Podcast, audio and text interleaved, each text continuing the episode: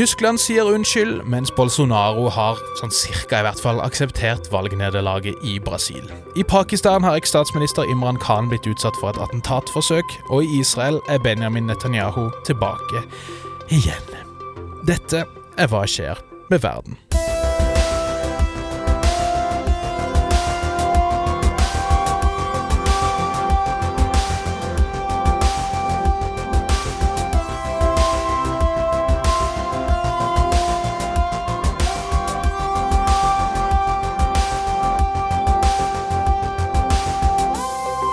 Hei og hjertelig velkommen til en ny episode av podkasten Hva skjer med verden? Denne podden for deg som er interessert i det som foregår innen internasjonal politikk, krig, fred og røret et sted midt innimellom der. Mitt navn er som vanlig Bjørn Røsby. Med meg har jeg som vanlig Nick Brandal. God mandags eh, ettermiddag, faktisk, Nick Brandal. God eh, mandag, Bjørnar. Skal vi denne uka, siden vi ofte blir beskyldt for å være negative, Ja. begynne med gratulasjoner? For det gjør jo av og til. Vi er ikke negative hele tida. Vi vi er ikke alltid negative, og det, det syns jeg godt vi kan koste på oss på en ganske sånn sur og rein, tung, mørke novemberdag. Og vi kan jo eh, Jeg vet du også har noen gratulasjon på lager, men, eh, men jeg tar meg friheten til å begynne, og vil jo da naturligvis gratulere Paul Bia, som er president eh, i Kamerun, og som denne helga kunne markere romslige 40 år ved makta i landet, og det er jo ikke så rent lite, får vi si. Det krever jo sin mann å holde på et verv såpass lenge. Da skal du vel være en ganske sånn eh, smooth politisk operatør, om du vil. Så vi må jo naturligvis gratulere. Så er det jo litt synd for Paul Biya at han da ikke er den lengstsittende lederen i Afrika. Han er jo slått av sin nabo eh, Obiang i Ekvatorial Guinea, som har sittet i 43. Nå er det vel kanskje noe sånn litt avhengig av åssen vi regner på det, så tror jeg kanskje Paul Bia får et par år til. Men uansett, det er godt levert. Og så må vi jo også eh, nevne, ja kanskje gi en liten shout-out, som ungdommen liker å si, Nick, til eh, Mahathir Mohammed, som er statsleder i Malaysia, og som jo allerede har eh, verdensrekorden i Guinness rekordbok for å være den eldste statsministeren, som han fikk tilbake i 2018 da han eh, starta sin foreløpig siste statsministerperiode i Malaysia. Men Mahathir Mohammed, som, er, som kun er 97 år gammel, han er klar for eh, det som vi bør tro blir siste runde, eventuelt. Så han har sagt at han stiller som kandidat nok en gang når det skal velges eh, statsleder, og vi må jo bare ønske så aldeles lykke til. Og så må vi jo gratulere Mette Fredriksen i Danmark med å ha A. gjort et godt valg, B. å ha gått av som statsminister. Og så regner vi med at vi neste uke skal gratulere med å ha blitt ny statsminister i Danmark. Så vi, vi helgarderer oss, eh, rett og slett. der. Hun eh, følger virkelig Torbjørn Jagland sitt uh, sitat fra hans statsministertid. Vi kommer tilbake. Vi er her allerede. Store sko å fylle. Du, eh, du følger jo litt ekstra med på sånne ting som skjer i Tyskland, kan jeg vel si, Nick. Og, og der har du sett en utvikling som Jeg vet ikke om du tenker det er bekymringsverdig? Eh, Hva vil du si? Ja, altså, Dette er jo noe som burde bekymre deg og ikke meg, men jeg, jeg må innrømme Du, at eh, det, Vi vet alle at du har en lutheraner langt inni magen, du òg. ja, det var mer historieløshet som bekymrer meg her nå. eh, fordi det, det tyske utenriksdepartementet skulle arrangere G7-møte i byen Münster, som da ligger i det som tradisjonelt heter Vestfalen. Riktig. Og der ble det jo inngått en fred i 1648, freden i Vestfalen. Og for å markere den, så laga man allerede da en, en fredshall i, da, i denne byen Münster, og Mm. G7-møtet skulle holdes i denne fredshallen. Ja. Der sto det et eh, 500 år eh, gammelt kors, som har stått der når eh, storimam Ahmad al-Tayeb besøkte byen i 2016. Det sto der når Dalai Lama besøkte byen i 2007. Men for G7-møtet så ble det altså fjerna på oppfordring fra det tyske utenriksdepartementet. Fy skam. Dette var historieløst. Rett og slett. rett og slett, og så får vi håpe at vi unngår en ny europeisk krig om, eh, om litt sånne, sånne ting på de traktene der. Vi har masse å gå igjennom, så vi eh, kaster oss rundt med ukas roundup.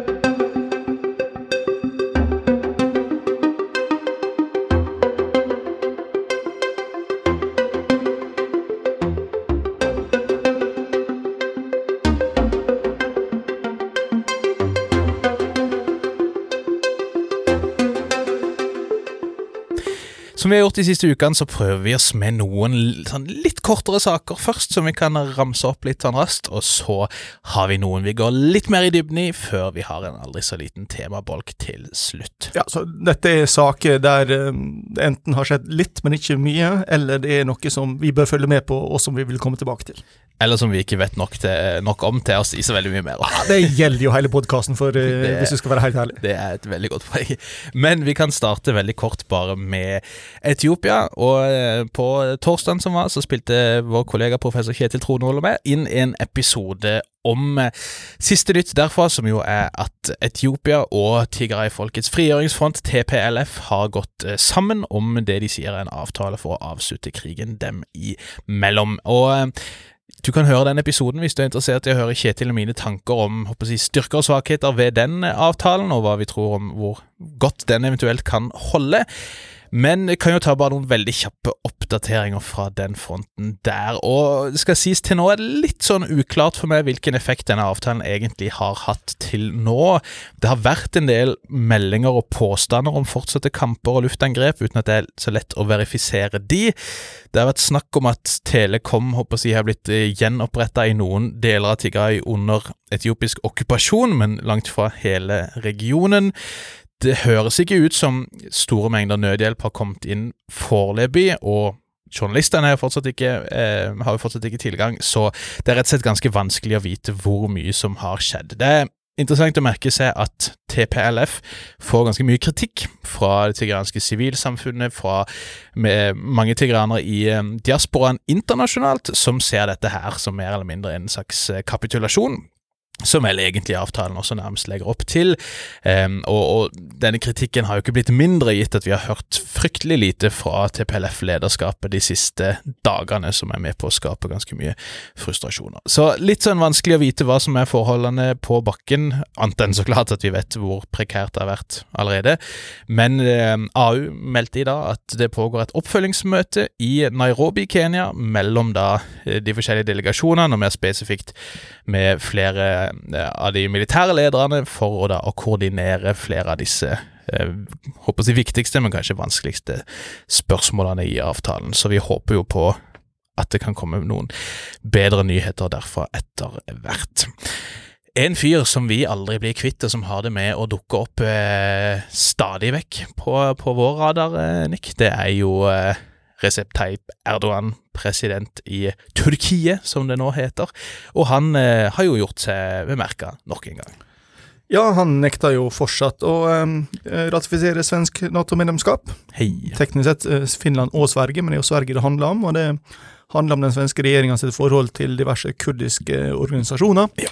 Der eh, Sverige nå stort sett har eh, kutta forbindelsene, offisielt eh, fra statens side med alle sammen, i den grad de noen gang hadde det. Mm. Men det er fortsatt ikke nok. Eh, og Jens Stoltenberg var jo på besøk i, eh, på torsdag, og han virka jo ganske eh, heller irritert til å være Jens Stoltenberg på tyrkerne, og sa vel sånn mer eller mindre at nå må dere slutte med dette tullet. Mm. Eh, og det vil nok USA også ganske snart gi veldig tydelig beskjed om, fordi de vil ha dette på plass på neste Nato-toppmøte. Yes. Um, mens Erdogan vil ha denne saka gående inn i tyrkisk valgkamp som er neste sommer. Ja. Så han kan få det til å gå ganske lenge. Så spørs det om den svenske statsministeren eh, Ulf Kristersson, som skal til Tyrkia på, eh, på tirsdag, i morgen altså, eh, om han vil klare å blidgjøre Erdogan. Um, det meste tyder vel på at Erdogan, det er noe annet han vil ha enn eh, innrømmelser fra uh, Sverige. Eh, det handler, og det handler om våpenkontrakter med USA. Mm. Rett og slett. Em, vi har jo eh, Vi følger jo med litt på Olav Scholz og hans reisekalender, håper jeg. Vi kan komme bitte litt tilbake til hans tur til, til Kina snart. Men det har vært litt nytt når det gjelder Scholz og utsagn om medlemskap for, i EU for land på Vest-Balkan. Ja, vi snakka jo eh, forrige uke om eh, den nye avtalen om eh, pass og bevegelsesfrihet holdt på å si, på, på Balkan, som ble inngått, og den ble jo undertegna i Berlin i forrige uke. På torsdag, for å være helt presis.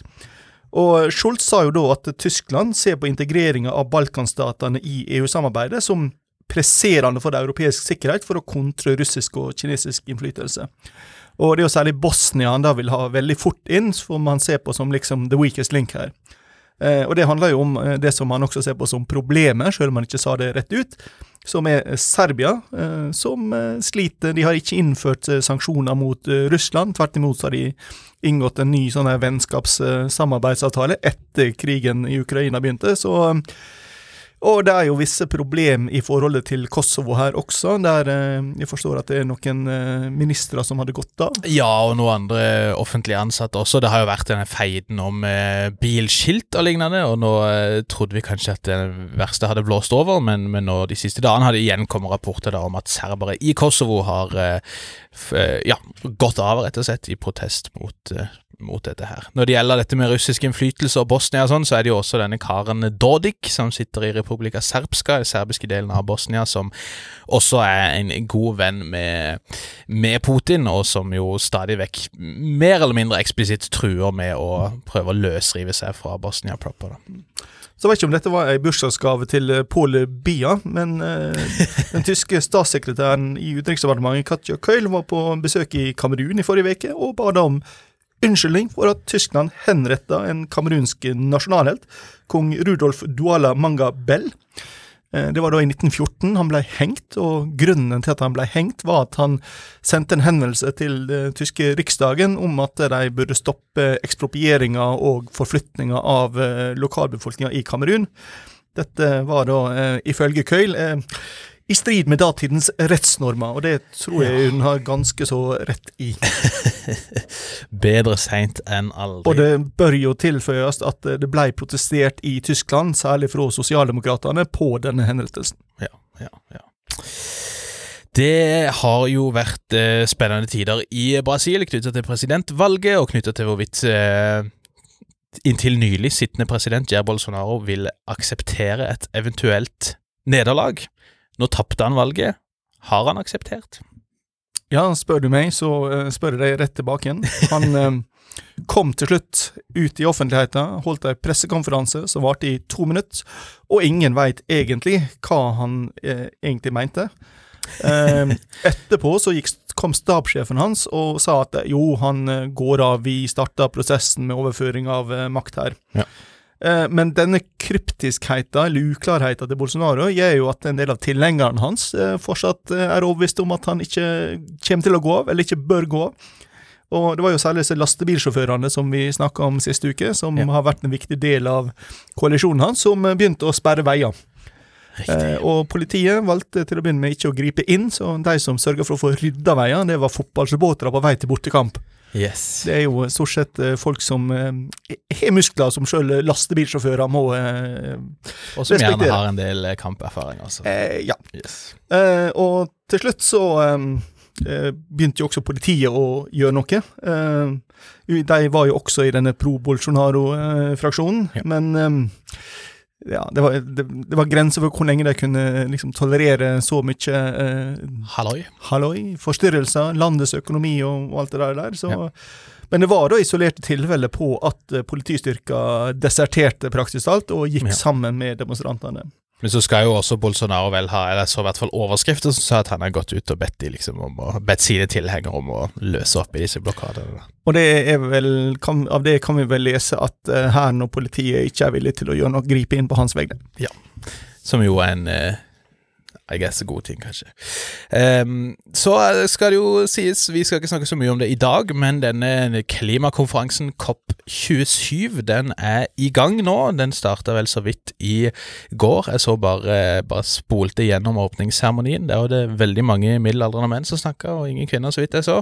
Uten at det er noe stort sjokk, men den avholdes da i Sharm el-Sheikh i Egypt. Det har jo vært en del eh, ravalder rundt at det skal avholdes nettopp der, og det er mye press da spesielt på at eh, egyptiske myndigheter må slippe fri en eh, aktivist, eller en skribent, som sitter fengsla på eh, bogus charges, så vidt jeg forstår, og som nå også sultestreiker. Så det er ganske mye trykk fra menneskerettighetsorganisasjoner og aktivister på den fronten der. Vi kommer til å snakke mer om eh, hva det har blitt snakka om, og hva man eventuelt kommer fram til i løpet av denne konferansen når vi møtes igjen neste uke. Men eh, vi kan jo bare nevne kort, litt sånn eh, når vi har vært inne på Brasil, at uh, The Guardian meldte om at Brasil, Indonesia og DR Kongo ønsker å koordinere og samarbeide mer om uh, sitt konserveringsarbeid, og da spesielt om beskyttelsen av regnskog. Og Så vidt jeg har forstått, så har de allerede starta så smått med dette her, eller i hvert fall um, lufta dette på tidligere klimakonferanser, men nå snakkes det om å prøve å formalisere dette mer, og, og en kommentator omtalte det som mulig sånn OPEC for regnskogene, dette her, da. Og dette er jo land som sammen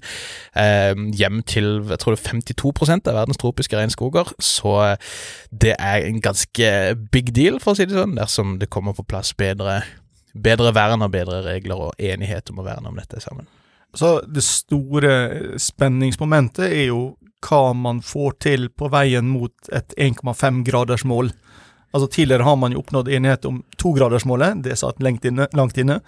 Nå ser vi jo at det er ikke nok, så man skal prøve på et 1,5-gradersmål. Og så og, sa jo Guterres nylig at vi er på vei til 2,8, sånn som vi ligger an nå. Ja.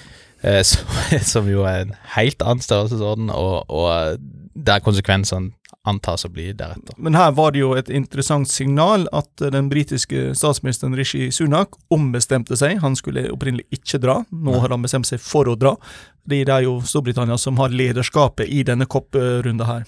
Og så er det kanskje også fordi Boris Johnson har valgt å dra ned, og til og med har snakka litt og sånn, så det er vel kanskje litt sånn uh, Tory-rivalisering der også, potensielt. Um, vi kan nevne kort, bare vi avslutta forrige episode med å snakke om M23-opprøret i østlige deler av Den demokratiske republikken Kongo. Og det er Velkommen jo, etter NRK. Ja, hei.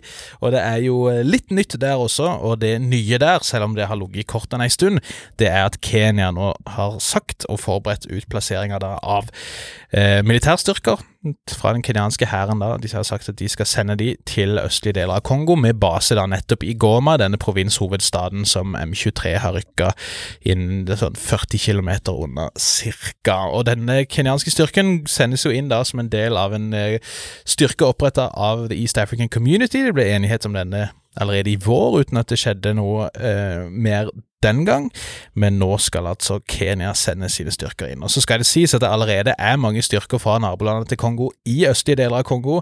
Tanzanianske styrker og styrker fra Burundi har lenge vært involvert i Um, MONUSCO, denne FN-operasjonen. Uh, Uganda har styrker litt lenger nord enn M23 opererer, for å gå etter en annen gruppe, ADF, som er sverger troskap til IS, og opprinnelig starta sitt virke i Uganda. Rwanda har stadig vekk hatt operasjoner i Kongo, noen med tillatelse og andre ikke, som da noen rapporter også tilsier, der de skal ha støtta M23 militært nylig. Så det er ikke noe nytt at Eh, styrker fra regionen er i området, men denne nye styrken der skal angivelig også ha medlemskap eller deltakelse fra både Burundi, Sør-Sudan og Uganda under kenyansk lederskap. Um, Rwanda fikk jo ikke tillatelse av Kongo til å delta i denne styrken, ikke så rart gitt den feiden som pågår mellom de to landene, eh, men så skal det også sies at denne, dette Luanda-sporet, eller roadmappet, veikartet som det snakkes en del om, med mekling da fra Angolas president mellom Rwanda og Kongo, det fortsetter for å prøve å styrke, eller eh, lege båndene mellom disse to landene på veien mot varig fred de imellom og i regionen. Så det skjer en del der. Det er uklart hvor mange kenyanske styrker som skal sendes av gårde. Kenyas forsvarsdepartement har naturligvis ikke lyst til å si hvor mange det er snakk om, men det sies eh, at rundt 1000 eh, soldater skal ha gjennomgått eh, forberedelsene holdt på å si, og prosedyrene før deployering. Vi eh, må til Iran nok en gang, Nick. Du, du har blitt en sånn Iran-korrespondent for oss etter hvert. Ja, apropos snakke om en ting vi ikke kan noe om. Um, ja.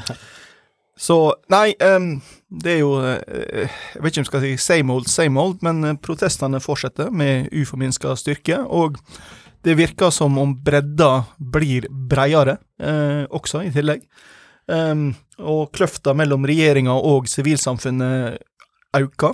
Uh, og vi fikk jo meningsmålinger, eller rett og slett eh, israelsk, eh, israelske, iranske eh, eh, embetsmenn eh, har sagt, snakka om meningsmålinger som er tatt opp. Vi veit ikke hvem som har tatt det opp, vi veit ikke hva metodikken er, men vi antar at det er sikkerhetstjenesten som driver med sånn gjennom meningsmålinger ganske ofte, som har funnet at 55% av befolkninga nå støtter demonstrasjonene, mm. og 83% har sympati for dem. Og det som begynte med en mer begrensa protest eh, basert på at en kvinne ble drept av eh, sikkerhetspolitiet.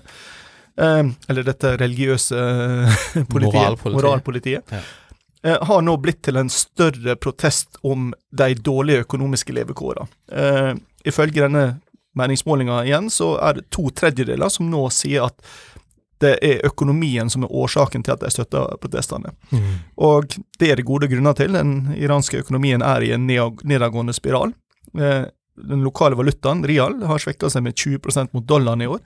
Teheran-børsen har falt med 30 Og det iranske handelskammeret eh, har anslått at de siste fire åra så har de hatt en såkalt kapitalflukt, altså at folk har tatt penger ut av landet på 45 milliarder dollar. I hovedsak investert i eiendom i andre gulfstater, og i Tyrkia og i Georgia.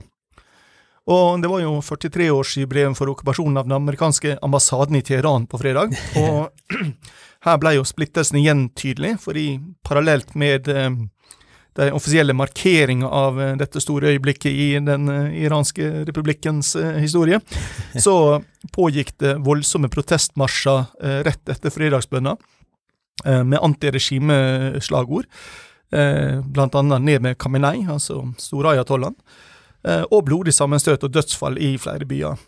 Og, og det er også tegn på at regimet i økende grad ser på protestene som antisystemiske. Um, ei avis som uh, Revolusjonsgarden ut, skrev på torsdag at demonstrantene var imot normene til Den islamske republikken. Ja. Eh, og vi har også sett økende angrep mot shia-geistlige. Eh, og en ledende ayatollah eh, sa at det, det nå er stadig flere som ikke tør å forlate heimene sine, eller hvis de går ut i offentligheten, så barberer de av seg skjegget, de tar ikke Mm. på seg um, kappene sine.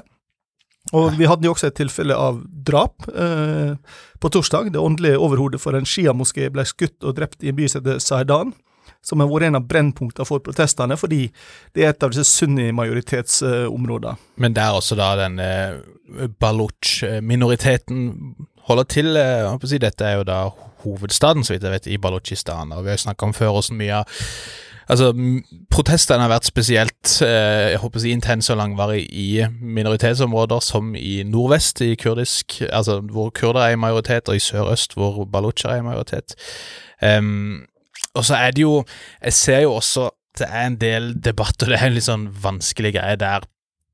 En del av de som etter hvert begynner å prøve å liksom, ta over narrativet i demonstrasjonene, er iranske nasjonalister, håper jeg å si. Vi ser eh, symbolikk fra Shah-tida og, og før den tida også, for så vidt. Og, og det virker jo som en del minoriteter, kanskje spesielt kurderne, opplever at deres sak nærmest har blitt appropriert av nasjonalistene, håper jeg å si. Dette slagordet 'Kvinner, liv, frihet' er det jo kurdiske aktivister som starta med, eh, selv om det nå har blitt liksom gjort til en sånn bærende slagord for protestene mer generelt, selv om mange av de som protesterer ikke akkurat kjemper for kurderes rettigheter nødvendigvis. Så det virker å være en sånn eh, meta-debatt nærmest også blant de som er i demonstrasjonene og de som kommenterer demonstrasjonene, om hva det er som vi egentlig kjemper for, hvems rettigheter er det egentlig som, eh, som kampene står om, osv.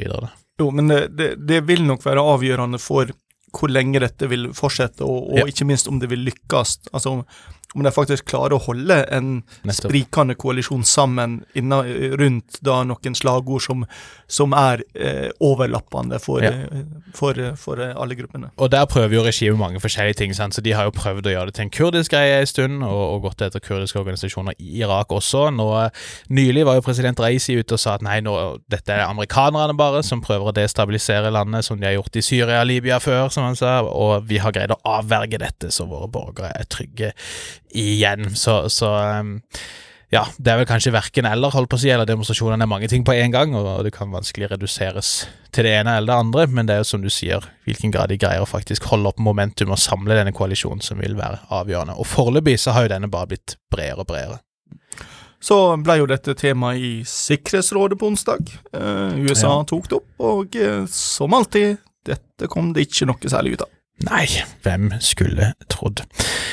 Vi må en tur til eh, Pakistan, og eh, for En god tid tilbake ut på vårparten så snakka vi litt om tidligere statsminister Imran Khan og hvordan han ble felt ved et mistillitsforslag i april. Og så var det en del frem og tilbake der om hvorvidt han kom til å akseptere det, og så videre. Men så har det jo skjedd et og annet på den fronten, og vi skal gå gjennom et par ting. Men det som vi kommer til å snakke om mest her, det er jo at Imran Khan ble utsatt for et attentatforsøk her forleden dag. Han mista ikke livet, han ble truffet eh, i leggen, angivelig, og, og, det går bra med han enn så lenge. Um, og det er jo for så vidt kanskje til det beste for mange, skal det vise seg. Um, bare for å ta litt sånn backstory. Imran Khan Nesten alltid når vestlige medier skriver om tidligere statsminister Imran Khan, så starter de med at han var en tidligere veldig populær cricketspiller. Det er liksom sånn klassisk narrativ om han. Men han har vært statsminister i noen år i Pakistan kontroversiell skikkelse. Han får vel litt av skylda for at økonomien til Pakistan går såpass dårlig som den gjør nå. Men han ble altså felt i et mistillitsforslag tilbake i april, og siden den gang så har han jo vært mer eller mindre på turné. Ikke sånn veldig ulikt sånn som Trump har holdt på i det siste. Han drar rundt og har forskjellige sånne rallies der han pisker opp eh, folkemassene, og der han da har pusha lenge for at det må avholdes nyvalg.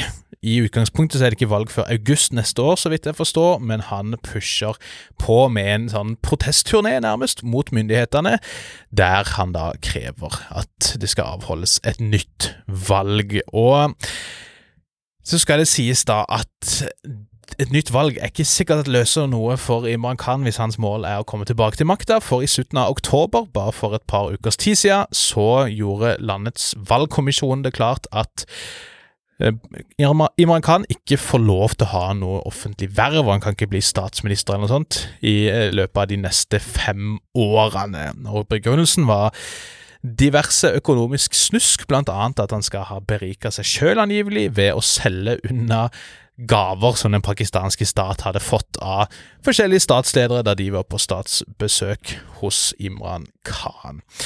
Um, han starta i våres en første sånn eh, lang marsj, såkalt, mot Islamabad, der han liksom skulle marsjere gjennom landet, kjøre med konvoier gjennom landet, høste støtte underveis, og så komme til Islamabad for da å prøve å tvinge den eh, nye statsministeren Shabhaz Sharif til å avholde et nyvalg.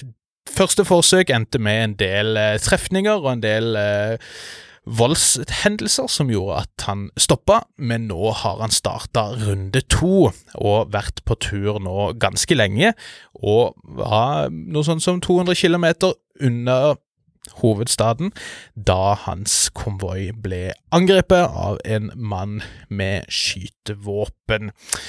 Og så skal det sies at det håper jeg, gikk langt bedre enn det kunne ha gått. Khan ble sjøl truffet i leggen, sies det. Elleve skal ha blitt skadd, og så er det snakk om at en av hans tilhengere skal ha blitt drept. En av Khans tilhengere. En talsperson for partiet til Imran Khan, PTI, han påsto at hele partiets lederskap kunne ha blitt drept i dette tilfellet om ikke angriperen ble tatt hånd om. Det er så klart vanskelig å etterprøve, men det kunne gått mange flere liv tapt. Og så er jo der det her begynner å bli ganske skummelt. For allerede, altså da Imran Khan ble felt i dette mistillitsforslaget, så foreslo han at dette her handla ikke noe om hans eh, regjeringstid, og at uh, folk hadde lyst til å bli kvitt han. Dette var et amerikansk instigert kupp, nærmest, der Shabaz Sharif sto i spissen for dette. Og denne gangen, etter han har uh, blitt uh, skutt på og forsøk, blitt forsøkt drept, så har da Medlemmer av Khans eh, leir gått ut og anklagd statsministeren, Sharif, eh, innenriksministeren og lederen for etterretninga, som da også betyr at, at militæret her er involvert. Disse har blitt anklaga for å ha konspirert og orkestrert hele dette attentatforsøket for å bli kvitt Imran Khan en gang for alle.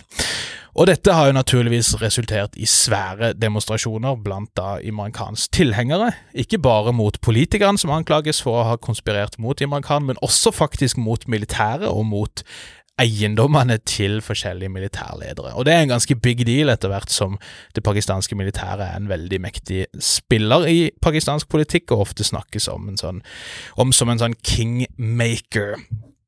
Men eh, jeg håper å si, Enn så lenge så har ikke dette sklidd ut fullstendig, men jeg ser en del folk som kan tusen ganger mer om Pakistan enn meg sjøl, som er ganske urolige, gitt at det allerede har vært mye politisk uro, polarisering i Pakistan i en kontekst hvor økonomien går veldig dårlig, og store deler av landet inntil nylig har ligget under vann. Men Khan han overlevde, og han har siden kunngjort fra si sykeseng at den lange marsjen mot Islamabad den skal fortsette fra der den stansa.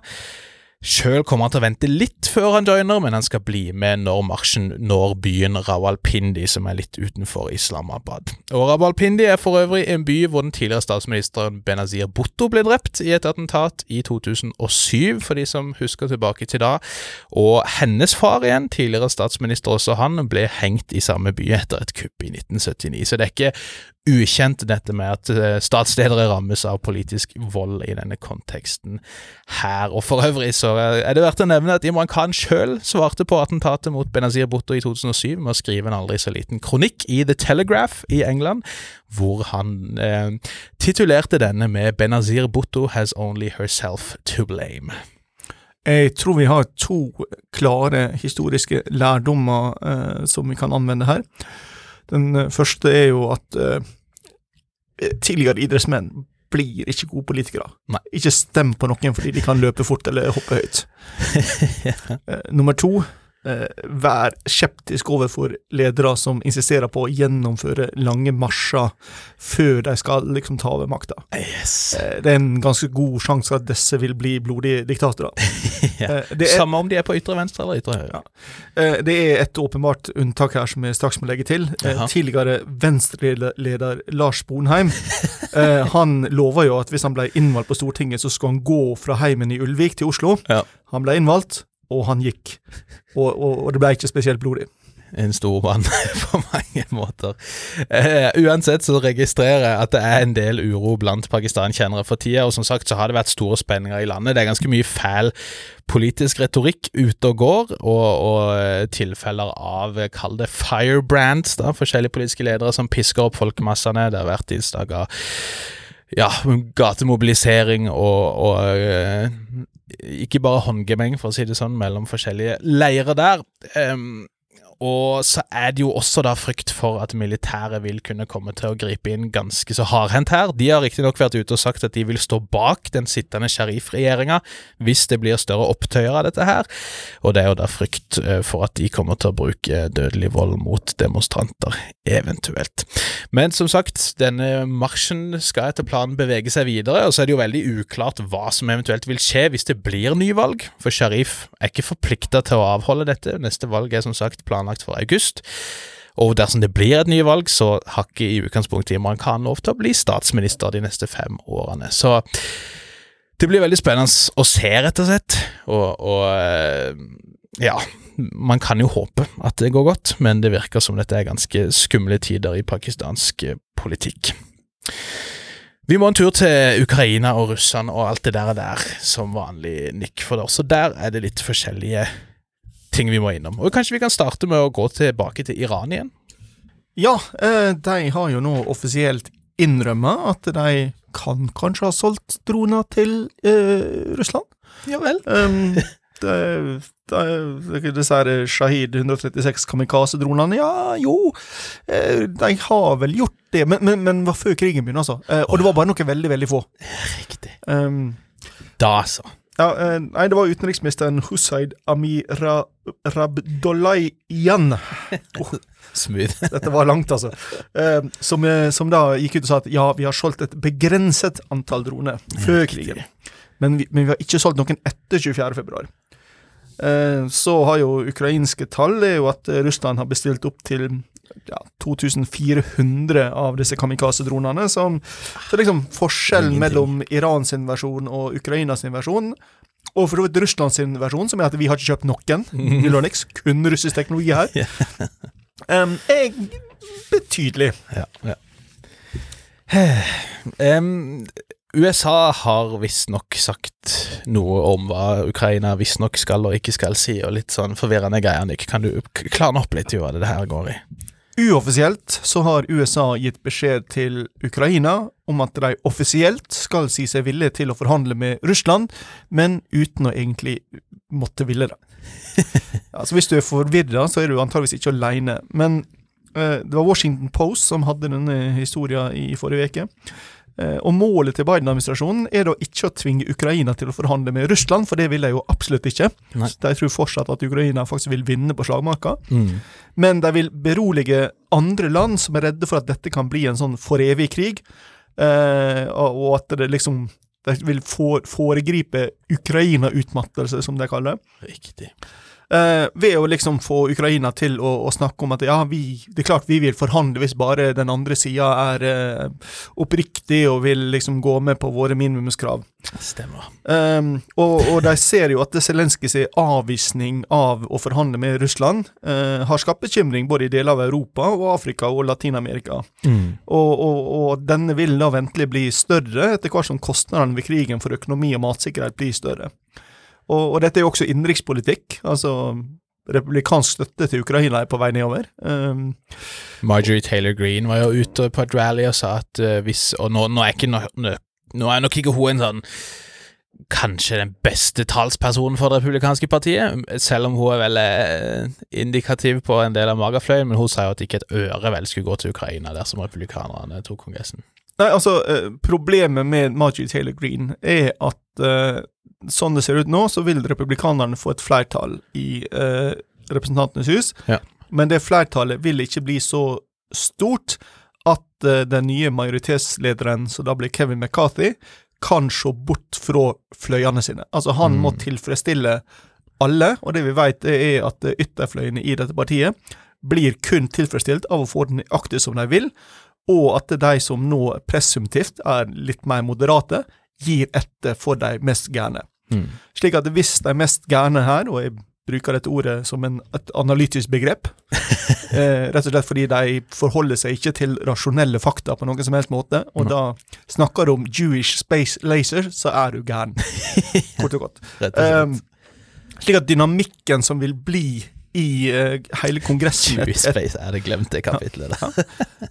Altså, dynamikken som vil bli her, hvis når republikanerne tar makta, det er at disse personene, som er eh, minimale, altså i oppslutning, de er ikke representative for USA, mm. vil få veldig mye mer makt enn de burde ha fått. Ja. Um, og da blir det vanskelig å få støttepakker gjennom Kongressen dersom uh, dette blir resultatet av valget i, i, i morgen. Ja, ja. Ja, det, det, har vi ikke nevnt til nå, men det er jo den største greia. Eller altså, klimakonferansen er kanskje på papiret viktigere, uten at jeg tror det kommer så mye ut av det. Men mellomvalget avsluttes jo i morgen. Hilde er å se hele natta antagelig på TV2, og vi kommer jo tilbake med mer mer episoder der fra det amerikanske paradoksets andre sesong. Eh, men vi kan jo nevne, uten at vi skal gå så veldig mye inn i Scholz sin tur til Kina, så har jo han vært i samtaler med Xi Jinping, og det var jo noen overskrifter derfra. Jeg så ikke liksom det konkrete sitatet, men overskriften sa at Xi hadde advart Putin om å ikke bruke kjernevåpen. Eh, Scholz sa eksplisitt at de var enige om at eh, Putin ikke måtte gjøre det, og så har visstnok Sia oppfordra Scholz også da, til å mekle en slutt på denne krisa som alle ønska at skulle avsluttes så fort som mulig. Ja, og ifølge Scholz når han kom hjem igjen, så var dette løftet fra Kina om å ikke bruke atomvåpen verdt hele turen. Ja, vakkert. Um, at han hadde med seg den sedvanlige tyske næringslivsdelegasjonen og pusha økonomiske forbindelser for alt det var verdt, og knapt nok snakka om menneskerettigheter og sånn. Ja, pytt, pytt. Det er ikke så nøye med det, men litt justis og sånt kan det jo kanskje bli med Tyskland likevel, for det er snakk om et mulig samarbeid der med Ukraina, så vidt jeg skjønner? Ja, de har ut, uh, undertegna ei toårig avtale som skal på den ene sida hjelpe Ukraina eh, i å oppfylle kriterier for medlemskap EU er jo blitt litt opptatt av at rettsstat og sånn skal fungere. Det skal være likhet for lova, og det skal være ukorrupt. Og, og her skal altså da Tyskland hjelpe Ukraina med å reformere strafferettssystemet sitt. Mm. Samtidig så skal de hjelpe dem i å lage et system for å kunne straffeforfølge krigsforbrytelser. Ja. Og Ukraina har jo nå 42 000 saker under etterforskning, eh, og de arbeider med å etablere en spesialdomstol for russiske krigsforbrytelser. Og det er jo noe som Tyskland har en del erfaring fra, og ja. ikke bare etter andre verdenskrig. De har jo vært veldig aktive når det gjelder Syria og krigsforbrytelser der. Mm. Det har jo vært eh, flere saker for tyske domstoler. Yes. Uh, så de har jo en, en del kompetanse her som ventelig vil komme Ukraina til nytte.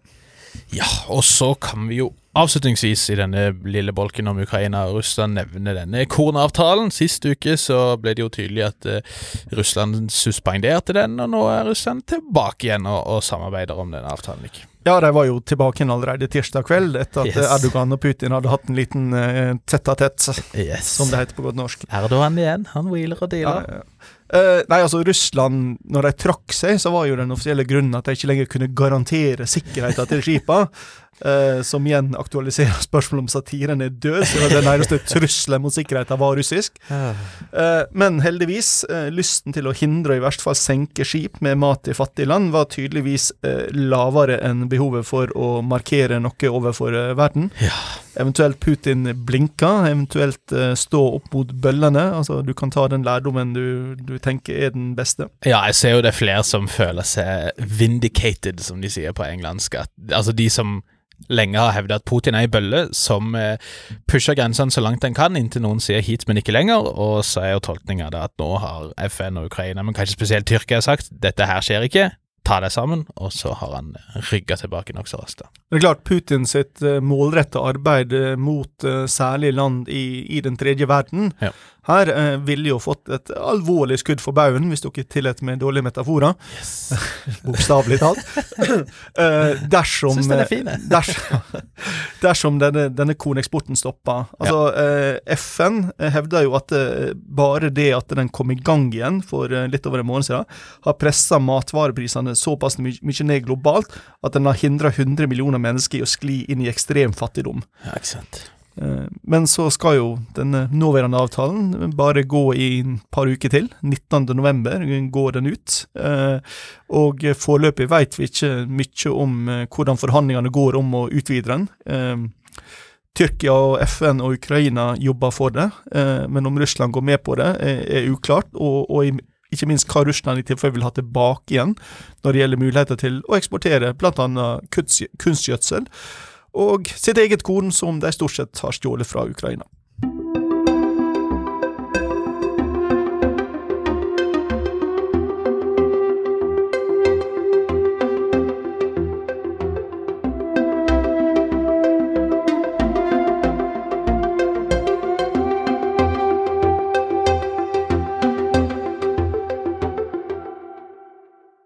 I vår eh, siste temabolk denne uka så skal det handle om eh, Israel. Og vi kunne jo foreslått mange forskjellige titler til denne bolken. Eh, There is something rotten in the state of Israel, kanskje.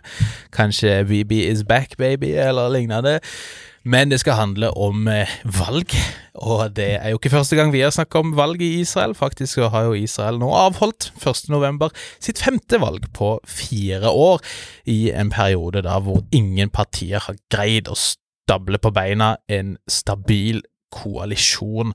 Det forrige valget i 2021 resulterte i et så lite flertall som det går an å få i Knesset, som er med 120 seter, og der da den vinnende koalisjonen hadde 61. Den eh, koalisjonen kollapsa i sommer, og det ble da beslutta at det skal holdes et nytt valg den 1. november, tirsdag forrige uke. Og så var det vel en del av oss som tenkte at kanskje er vi ferdig med dette Benjamin Netanyahu-kapitlet i verdens historie. Nå er han ute av maktens korridorer, men så tok det drøyt et år, 14 måneder eller noe sånt, fra han sist mista makta, til han tilsynelatende er tilbake i førersetet igjen. Valget, der skal oppslutninga ha vært på noe sånt som 78 8,6 av befolkninga, som visst er det høyeste siden 2015. Og dette valget resulterte i en seier for den israelske høyresida. Og høyresida er et ganske romslig begrep her. Dette er en seier for det ytterste ytre høyre i Israel, tror jeg det er tykt å si. Denne blokka til Benjamin Netanyahu, som ofte bare kalles Bibi blant venner og uvenner, den vant 64 seter, så det er fortsatt ikke en stor majoritet, men, eh, men større enn tidligere. 64 av 120 seter.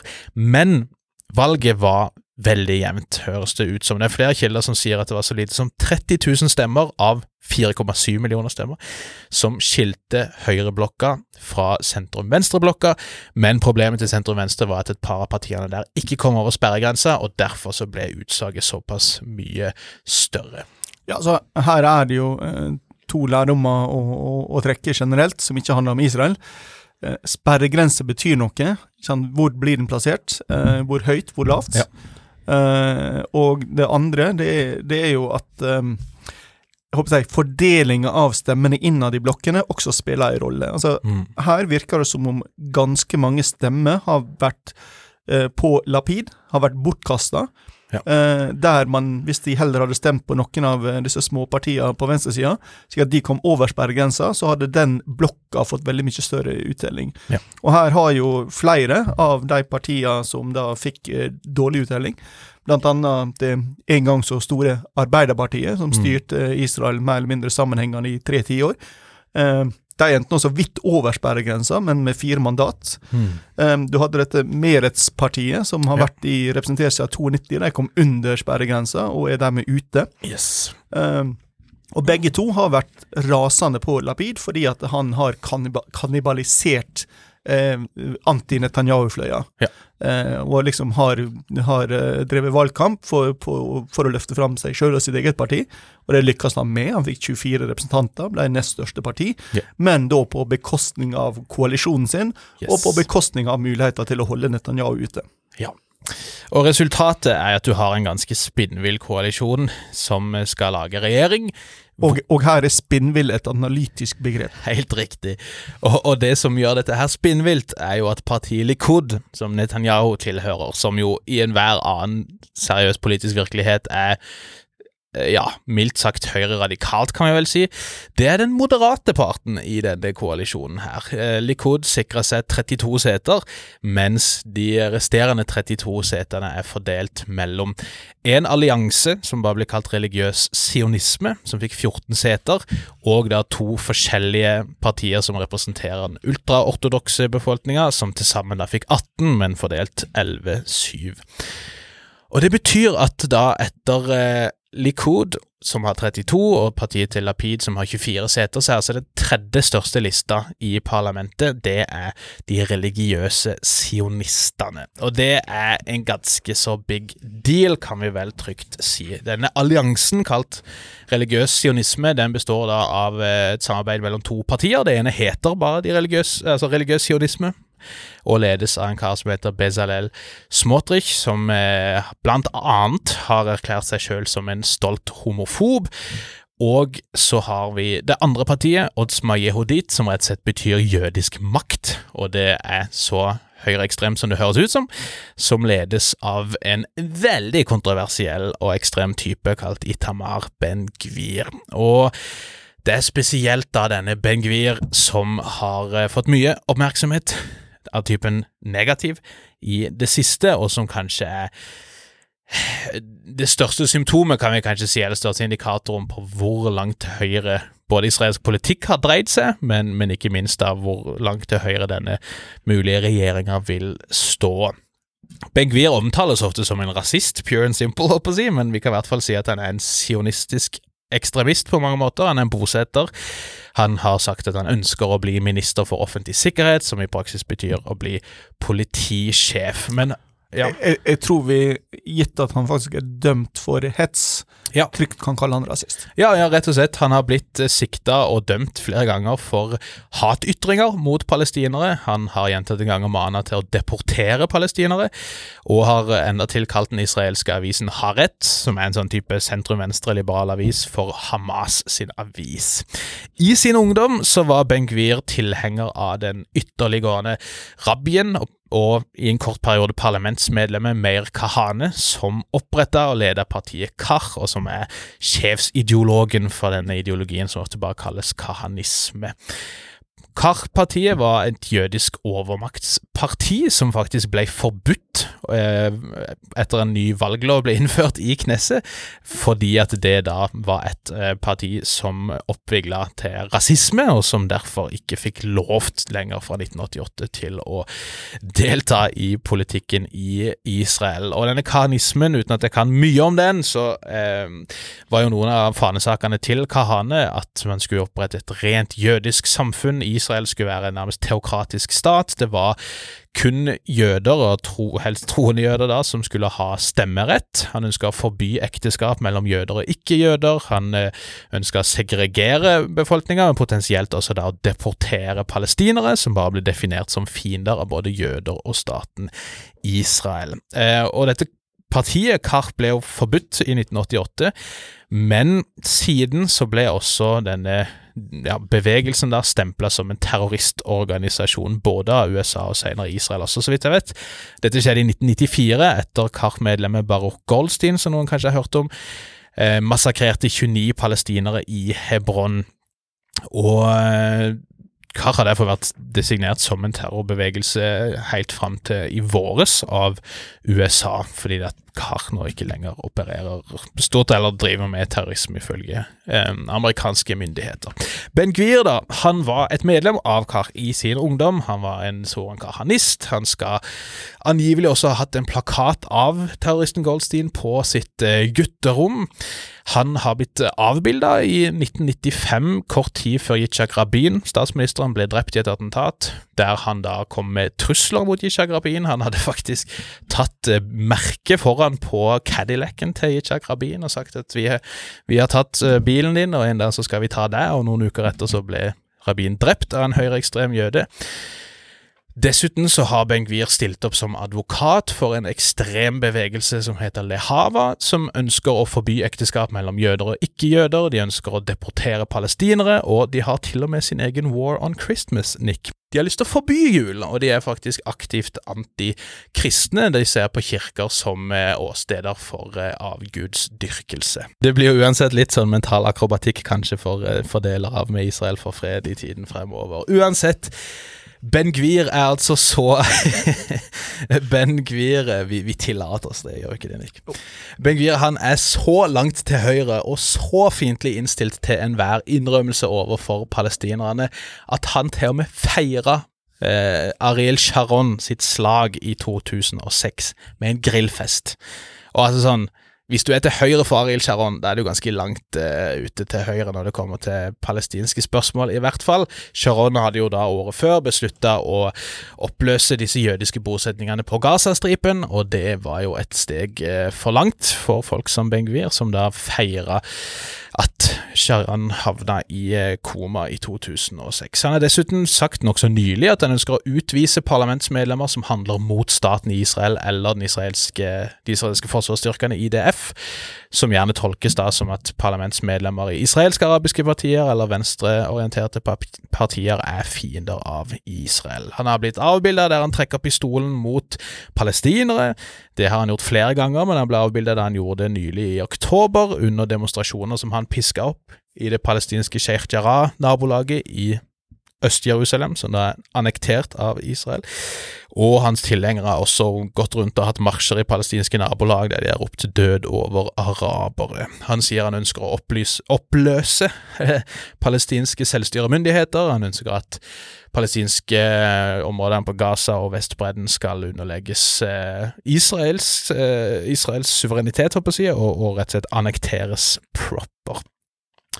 Og eh, for den saks skyld, hvis vi går til eh, partiprogrammet til Jødisk Makt partiet så står det jo der også i punkt syv at krigen mot Israels fiender vil være resolutt og uten forhandlinger, innrømmelser eller kompromiss som til nå kunne ha ledet til mer krig, blodsgytelse, rakettskyteangrep og sorg. Og, og, dessuten så lover de etableringa av suverenitet over alle deler av Eretz Israel, frigjort i seksdagerskrisen, krigen, unnskyld, og bosetting av Israels fiender, altså les deportasjoner, eh, i de arabiske landene som omringer vårt lille land. Så har Ben Gvir riktignok sagt at han er blitt voksen og mer moden nå, eh, og han skal representere alle eh, israelere. Han hadde et lite brev til sine brethrens on the left. Men samtidig så feirer han jo valgseieren med å skrive på Twitter at det nå var tid for en rendyrka høyrevingsregjering, og at vi skal være håper jeg, huseiere i vårt eget land. Og dette det er ganske interessant av og til å lese israelske aviser, spesielt i Haaretz, som gjerne er ekstremt kritisk til høyresida i Israel, og se noe av den eh, retorikken som brukes der, som aldri hadde blitt publisert i Norge, kanskje av gode grunner potensielt. Og der var jo en tidligere israelsk diplomat, som vel er av den litt mer liberale sorten, ute, en kar som heter Alon Pinkas, som skrev at uh, saken er nokså enkelt. 50% of Israelis voted for a quasi-fascist ultra-religious corruption tolerating coalition. Og det henviser jo da til at lederen for Shas, det ene ultraortodokse partiet, har vært dømt for korrupsjon. Benjamin Netanyahu er sikta for korrupsjon og har en pågående sak. Og så er jo da også Ben Gvir eh, dømt flere ganger for hatytringer. Er det nå vi skal tippe, tippe at uh, den første saka og viktigste saka for denne regjeringa blir uh, strafferettsreform? Det er helt riktig.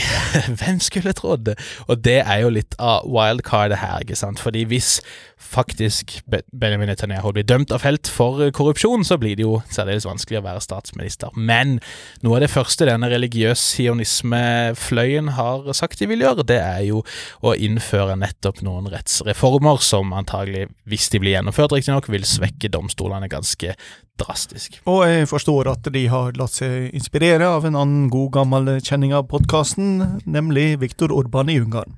Det er meget mulig, akkurat det kjenner jeg ikke til, men det har jo igjen da kommet noen ganske spicy uttalelser i Knesset, faktisk, fra en politiker i partiet til Jalapid som Og han har måttet forklare seg etterpå og prøvd å si at han er blitt tolka i bad faith og sånn, men han eh, kommenterte disse planene til religiøs sionisme for rettsreform. Og påpekte at eh, Adolf Hitler kom til makten eh, på demokratisk vis, og noe av det første han gjorde, var å angripe domstolene. Og eh, så har han siden sagt så klart vil jeg aldri klandre noen i Israel eller utenfor for å være Hitler eller være like som Hitler, men så klart, når, når du begynner å hitle, liksom, med politikere, så er det ikke så rart at det vekker ganske kraftige reaksjoner, noe det naturligvis gjorde også i det israelske parlamentet. Men eh, vi er jo i en ganske absurd situasjon da, hvor Likud, som lenge har blitt sett for å være den kontroversielle delen av den israelske høyresida, for å si det sånn, eh, de er det mest moderate medlemmet av denne koalisjonen, tilsynelatende. Og jeg ser jo flere, spesielt amerikanske jøder for så vidt, men andre også, som, som opplever at altså, i den grad dette sekulære sosialdemokratiske Israel noen gang eksisterte på den måten som en del i Vesten kanskje tenker på det som, så er i hvert fall dagens situasjon en veldig, veldig annen enn det man eventuelt si, så i tidligere tider. da. Altså, det var jo interessant, den første reaksjonen som kom fra Washington, som normalt ikke blanda seg veldig mye inn i israelsk internpolitikk. Eh, og eh, kan vi sitere hele utsagnet? Eh, vi håper at alle israelske myndighetspersoner vil fortsette å dele våre verdier for et åpent, demokratisk samfunn, inkludert toleranse for minoriteter. Ja. Og um, det er vel ikke alle ministrene i denne regjeringa her som kan regne med at de får lov til å få innreise til alle land i EU, for eksempel. Nei, det spørs, og hvis jeg ikke tar helt feil, så står det i partiprogrammet til Jødisk makt også at liksom, vi skal ikke la mange forskjellige ting, inkludert demokrati, stå i veien for en, en selvstendig jødisk nasjon. Um, og så skjer jo dette da i en kontekst hvor, hvor, flere påpeker at demografien er en ressurs for ytre høyre i Israel. For det er noen ting som tyder på at de potensielt kan greie å holde på makta ei stund, hvis vi tenker at demografien eh, binder, holdt på å si, og det er jo ikke sikkert at den gjør. Men flere spørreundersøkelser eh, tyder jo på at det er en del sympati for høyre og ytre høyre i Israel. En ting er jo at Ben Gvir er veldig populær blant mange unge israelere, som i seg selv er forstyrrende, men noen undersøkelser tyder jo på at to tredjedeler av alle jødiske israelere mellom 18 og 34 identifiserer seg selv som høyrevingsvelgere, på å si. En Pew-undersøkelse fra 2016, og det er ganske lenge siden nå, fant at 49% av jødiske israelere var enig i påstanden arabere bør bli utvist eller forflytta ut av Israel, mens 44 eh, svarte imot. Mer enn halvparten av jødiske israelere definerer seg angivelig i dag også som tradisjonelle religiøse eller ultraortodokse jøder, og det har lenge vært en tydelig trend at den konservative, spesielt den ultraortodokse andelen av befolkninga øker raskest, som jo kan tyde på at denne skal vi si, religiøse og, og høyere dreininga kan potensielt da ha en del støtte over lengre tid også, uten at det er gitt, naturligvis. Ja, og det åpner jo for spørsmålet om Israel kan forbli innenfor den jeg, vestlige, demokratiske, liberale blokka, eller om de vil bli, holdt på å si, havne inn i en av disse uh, autokratiske, autoritære siloene som, ja. som, er et av disse scenarioene uh, som bl.a. amerikanske myndigheter opererer med. At vi vil få ja. en større sånn der inndeling av litt overlappende, men egentlig nokså separat uh, sfære. Ja, ja. Ja, og, og, og, veldig ofte så vil jo selverklærte Israel-venner rykke ut og si at dette er regionens eneste demokrati osv., og, så og nå har det jo vært et valg, det er ikke det, men, men det er ikke veldig mye liberalt igjen, håper jeg, hvis denne regjeringa får gjøre det de, de, sier de ønsker å gjøre, i hvert fall. Og, um, så er det jo en annen ting også, som vi har antyda litt de siste episodene, men det er jo det at Alt dette her foregår i en kontekst hvor spesielt Vestbredden er mer anspent enn det har vært på veldig, veldig lenge. Det er regelmessige trefninger. Ehm, det har vært mange bosetterangrep mot eh, palestinske innbyggere og, bebyggelse, men også mange trefninger mellom israelske forsvarsstyrker og spesielt en eh, nokså ny væpna gruppe som eh, heter Arin al-Osud, eller Løvens hule, Lions Den vil du si blir brukt mye, som vel er spesielt aktiv i byen Nablus, men, men flere andre steder på Vestbredden også. Så nesten daglig så kan du se filmer, stort sett, men, men rapporter om voldelige trefninger. Det er vel 30 palestinere som har blitt drept i oktober alene. Og igjen i israelske medier så har jo forskjellige kommentatorer i Haaretz for et par måneder siden skrevet at nå er vi bare liksom en liten eh, feilberegning, holdt på å si, unna at Israel var i vinklinga her, da. At Israel utløser en tredje intifada, en tredje stort opprør. Det er jo vanskelig å spå og si, men, men fredsprosessen her, det, altså den har vært steindød i 20 år, kanskje, men, men, men det, det, er fryktelig lite som tyder på noe gjennombrudd der, i hvert fall. Og så er det jo en liten spenning til, nemlig kan Sharon faktisk bli statsminister igjen? Netanyahu. Netanyahu, beklager.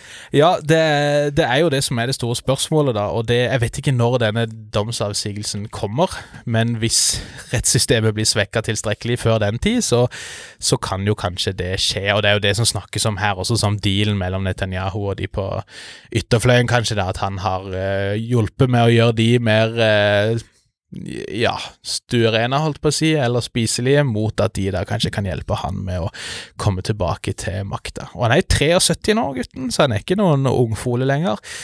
Men Ja, hvis du sammenligner han med Lula, Biden Sant. 97 år gamle Mahatir Mohammed. Ja da, han har mange år igjen. Holdt på å si dessverre for israelsk politikk, kanskje. Men uansett, er, jeg tror vi kan trygt si at det er ganske urovekkende utviklinger, for å si det sånn. da, Det at denne regelrett rasistiske retorikken til ytre høyre har blitt mer eller mindre mainstream og får en plass i parlamentet nå, det, det bør bekymre oss, og, og, det bør bekymre spesielt på siden palestinske befolkninga også, som neppe vil få det lettere i tida som kommer. Så, så, så må den jo selvfølgelig forstås i, i, en sammenheng. Altså hvorfor stemmer eh, unge folk til, eh, til, høyre her? Jo, det er jo fordi det er et system som ikke fungerer. De går da til de som tilbyr ekstreme, radikale løsninger, og de finner de på høyresida og ikke på venstresida, og ja. da ender de opp der.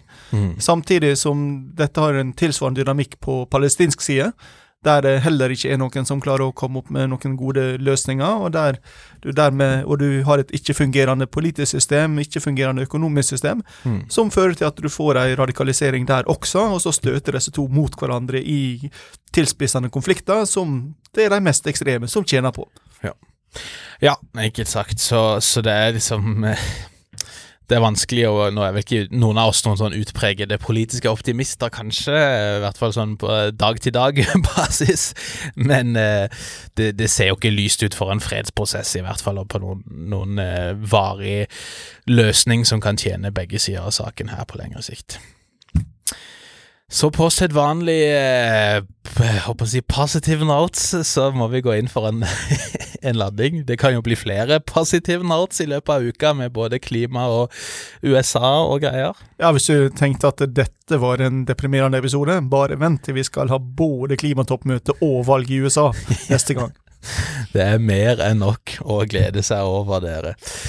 Eh, vi eh, er som sagt Hilda med tilbake. Vi lover ikke akkurat når, men det kommer i hvert fall en episode når vi vet litt mer om eh, resultatene fra mellomvalget. Du kan jo se henne på TV på TV2 blant annet utover natta der. Jeg kommer ikke til å sitte oppe hele natta, kan jeg love. Skal du sitte oppe, Nick?